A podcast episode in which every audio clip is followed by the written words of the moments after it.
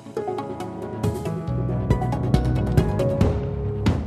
Når Stortinget vedtar langtidsplanen for Forsvaret i morgen, ønsker opposisjonspartiene flere utredninger, mens regjeringen bl.a. vil legge ned kampflybasen i Bodø.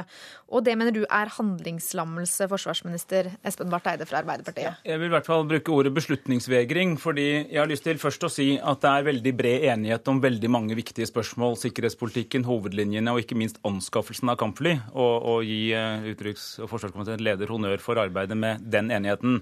Men når vi så skal ta konsekvensene av de valgene, så må jo f.eks. disse flyene stå et sted. Da må vi beslutte hvor det skal være hovedbase på kampfly. Og igjen er det bred enighet om at den skal være på Ørland. Det skal være én, og den skal være på Ørland. Men så tør ikke opposisjonen å trekke den naturlige konsekvensen av det. Hvis den skal være på Ørland, så skal den ikke være i Bodø. Og da man, kan, kan, man ikke bruke tre milliarder forsvarskroner på å bygge en rullebane i Bodø likevel. Eh, som man jeg mener man gjør ut fra litt populistiske lokale eh, interesser. Vi må styre forsvarspengene fornuftig, bruke dem på det som er mest viktig viktig. Vi har et stort forsvarsbudsjett, men det fritar oss ikke fra ansvaret for å treffe valg. Og politikk dreier seg om å eh, legge fram et beslutningsgrunnlag, og så treffe valg og være tydelig og stå på dem. Ine Eriksen Søreide, du er leder av utenrikskomiteen fra Høyre. Sammen med KrF Venstre så vil dere altså stemme mot, eh, mot dette og, og, og, for flere utredninger. Er det beslutningsvegring? Nei, det mener jeg overhodet ikke. Og i stedet for å gå i strupen på opposisjonspartiene, så burde det jo være et tankekors for forsvarsministeren at han har levert et så tynt beslutningsgrunnlag til Stortinget at vi har måttet stille 291 eh, oppfølgingsspørsmål til proposisjonen. Og vi føler ikke at svarene på en del sentrale spørsmål eh, ligger fra departementet, og derfor så ønsker vi på to områder å gå en ny runde. Det ene er spørsmålet om å legge ned Rygge militære flystasjon, og det andre er spørsmålet om det kan etableres etableres en framskutt operasjonsbase i Bodø. Og det Høyre har sagt til det siste, sammen med KrF, er at vi setter som klar forutsetning at Forsvaret ikke blir sittende med regninga på hele rullebanen alene. Det må være et reelt spleiselag. Men vi har bedt regjeringa om å gå en ny runde, fordi vi mener premissene ikke holder. Og det har vi bedt de om å gjøre til eh, budsjettet for 2013. Det er altså fire måneder til det blir lagt fram, og det mener vi er tid man kan ta seg for å vurdere en løsning som vil fungere bedre enn Evenes, etter vår oppfatning. Ja, har dere egentlig fått nok svar om Bodø og det å legge ned Rygge? For det første la vi fram en grundig langtidsplan. Så sendte vi over et underlagsmateriale på nøyaktig 1104 sider til opposisjonen. Så svarte vi på disse 291 spørsmålene grundig. Jeg vil understreke at eh, det var mange gode spørsmål, men mange var også omhandlet ting som allerede var redegjort for i det materialet, men vi svarte gladelig på det. Jeg tror ikke det fins flere spørsmål i denne saken. Og det er jo egentlig så enkelt som om folk tror det er hva er billigst av å bygge en rullebane til 3 milliarder kroner versus å ikke bygge bygge en rullebane til 3 milliarder kroner. Du trenger ikke veldig mange kompliserte utredninger for å finne ut at det er billigere å ikke bygge den, når du har en annen i et sted som heter Evenes, som allerede ligger der. Og Vi snakker altså om en liten fremskutt base. Fordi Høyre, og det anerkjenner jeg veldig positivt, har også sluttet seg til at hovedbasen i entall skal ligge på Ørland. Men det har noen følgekonsekvenser, og de må man tørre å stå opp for. Det er altså sånn at det skal etableres en framskutt operasjonsbase i Nord-Norge. Vi har ikke kunnet støtte regjeringens forslag om Evenes, fordi vi mener den har også klare operative mangler. Derfor ønsker vi å få utreda det alternativet som handler om å etablere den i Bodø. Eh, og det er altså en beslutning som vi har fatta etter nøye vurderinger, nøye analyser. Og vi mener at det er grunnlag for et reelt spleiselag i Bodø som gjør at Forsvaret ikke blir sittende med regninga på 3 milliarder alene. For det er en klar forutsetning for Høyre. Men det savner jo på mange måter proporsjoner, dette forsvarsministeren nå snakker om. Fordi at det han ikke ønsker å snakke om, og det han da eh, får fokus vekk fra ved å angripe opposisjonen nå, det er jo at regjeringa i proposisjonen foreslår å velte en ekstraregning på mellom mellom 10 og 16 milliarder kroner over på Forsvaret de neste ti åra, fordi han legger inn mindre penger til kjøp av kampfly enn det forsvarssjefen anbefaler. Og Det er jo det som kommer til å svekke den operative evnen i Forsvaret framover, som vi er dypt bekymra for. Han snakker heller ikke om at de ønsker å svekke den spisse enden av Heimevernet, som kan sette hele kvalitetsreformen fra 2004 i fare.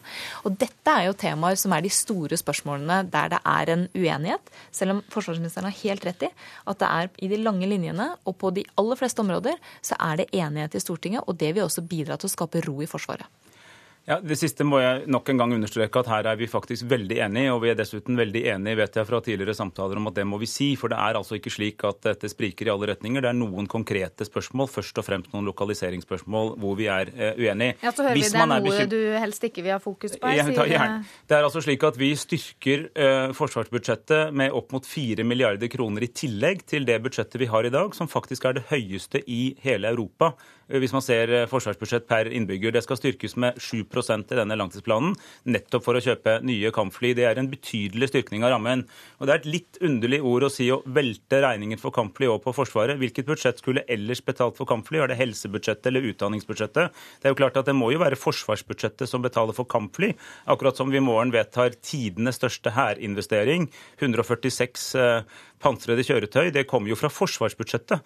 Men da må vi sørge for at vi har ramme i det forsvarsbudsjettet. Og vi styrker en historisk styrkning eh, og legger inn mange, mange milliarder kroner ekstra for å bidra til kjøpet av kampfly. Ja, hvor ville du henta pengene fra? Det driver jo forsvarsministeren en liten lekmor, for han vet jo like godt som meg at man legger inn ekstra penger altså utenfor den ordinære forsvarsramma til å kjøpe kampflyene.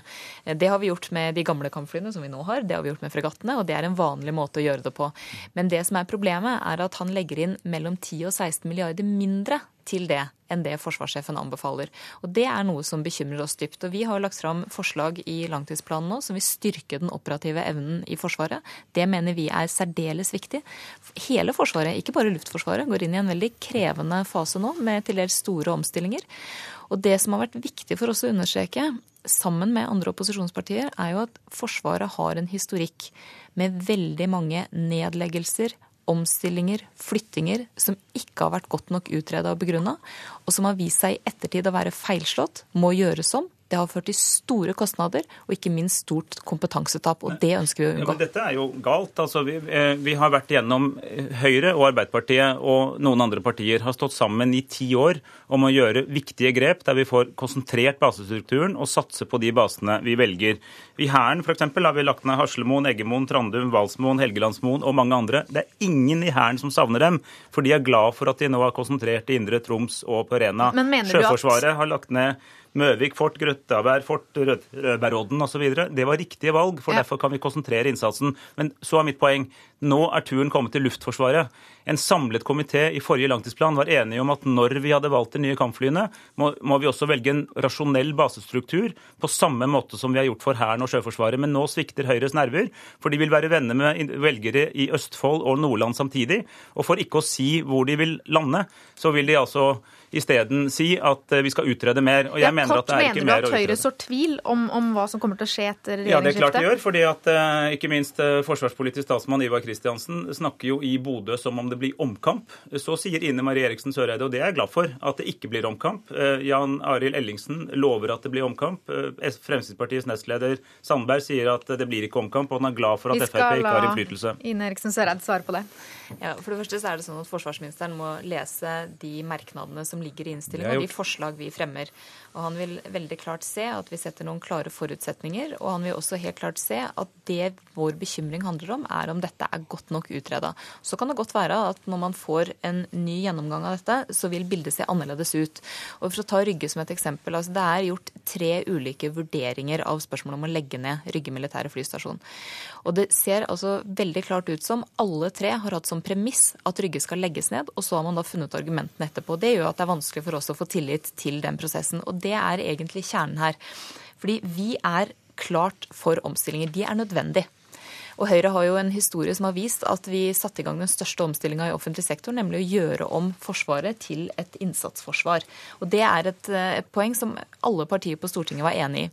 Men det vi er opptatt av, er at det må skje i riktig rekkefølge. Det må skje på riktig grunnlag. Det må være etterprøvbare premisser, og det må være en økonomi som holder. Og det føler vi ikke at det ligger ja, i dagens opplegg. Det var altså ikke Høyre som satte i gang den omstillingen, det var Bjørn Tore Godal i Stoltenberg igjen. Men det som er riktig, er at Høyre har støttet opp om den oppslutningen frem til nå til deg, Ine Eriksen Søreide og forsvarsminister Espen Barth Eide.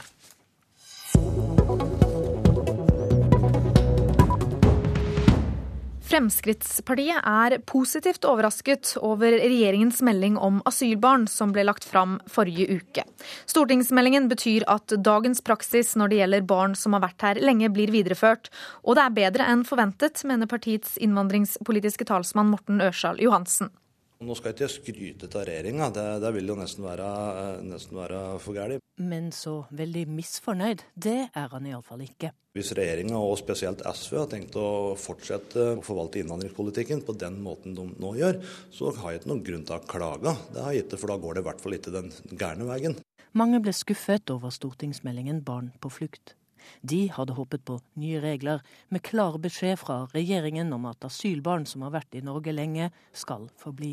Jeg er ganske forvirret, og jeg hadde håpet at vi skulle få veldig klare svar nå, men det har vi ikke fått. Sa Geir Bekkevold fra KrF. Ingen applaus fra Venstre-leder Trine Skei Grande heller.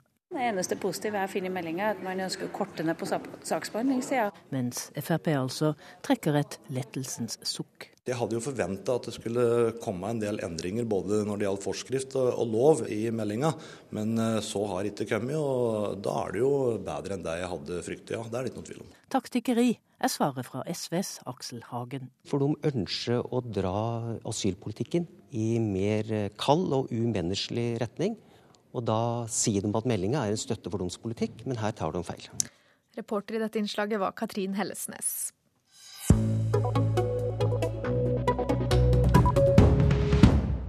Norden bør bli en egen forbundsstat lik EU, vedtok Foreningen Norden nylig på sitt årsmøte. Men med tankegangen 'sammen er vi sterkere', så mener foreningen at et sterkere samarbeid mellom de nordiske landa vil gjøre oss små i nord viktigere i verden.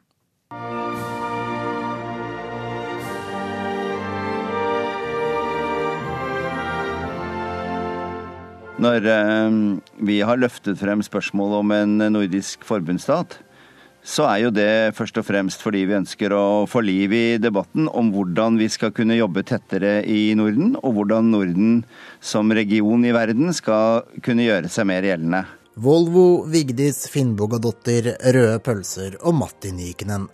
Alt kunne vært vårt om Foreningen Norden får det som de vil. For eh, selv om det er nesten 500 år siden store deler av Norden sist var samlet i ett rike, vil stortingsrepresentant fra Høyre og leder i Foreningen Norden, Olemic Thommessen, igjen samle oss i nord. Vi har kort og godt mye å hente på å samarbeide bedre.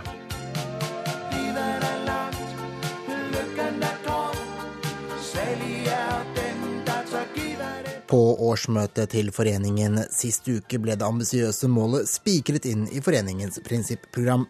Men en ny Kalmar-union skal det ikke bli. Det er nok ikke den type unionen vi tenker på heller.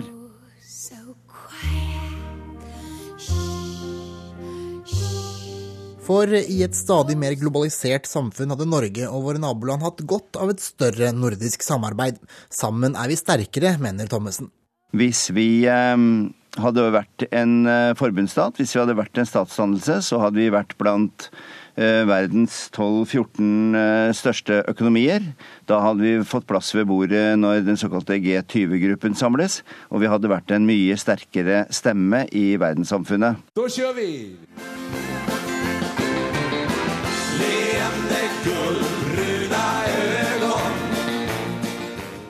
Utspillet ønsker foreningen å skape debatt om alt det Norden har til felles, og ut ifra det skape grobunn for større forpliktende samarbeid oss naboer imellom. Men økt samarbeid har vært diskutert tidligere, uten at det har gått så bra. I 1968 ble ideen om å skape et nordisk fellesmarked til. Tollunionen Norøk ble lansert, men i 1970 kunne myndighetene i de nordiske landene konstatere at det ikke gikk. Altså, Verden har forandret seg enormt. Eh, I dag står vi midt oppi det vi kaller for globaliseringen, ikke sant? hvor verden er blitt fryktelig liten pga. informasjonsteknologien. I dag så vi, har vi konkurranse på nesten alle områder i samfunnet. Ikke bare økonomisk og forskningsmessig, men også språklig, kulturelt. altså På alle måter så, så er vi i en internasjonal situasjon hvor vi har sterk konkurranse. I det bildet så tror vi at det er viktig å være større for å ivareta de verdiene som vi mener er viktige. Og kanskje hadde vi også fått et bedre fotballag? Ja, vi hadde kanskje fått litt eh, bedre landslag.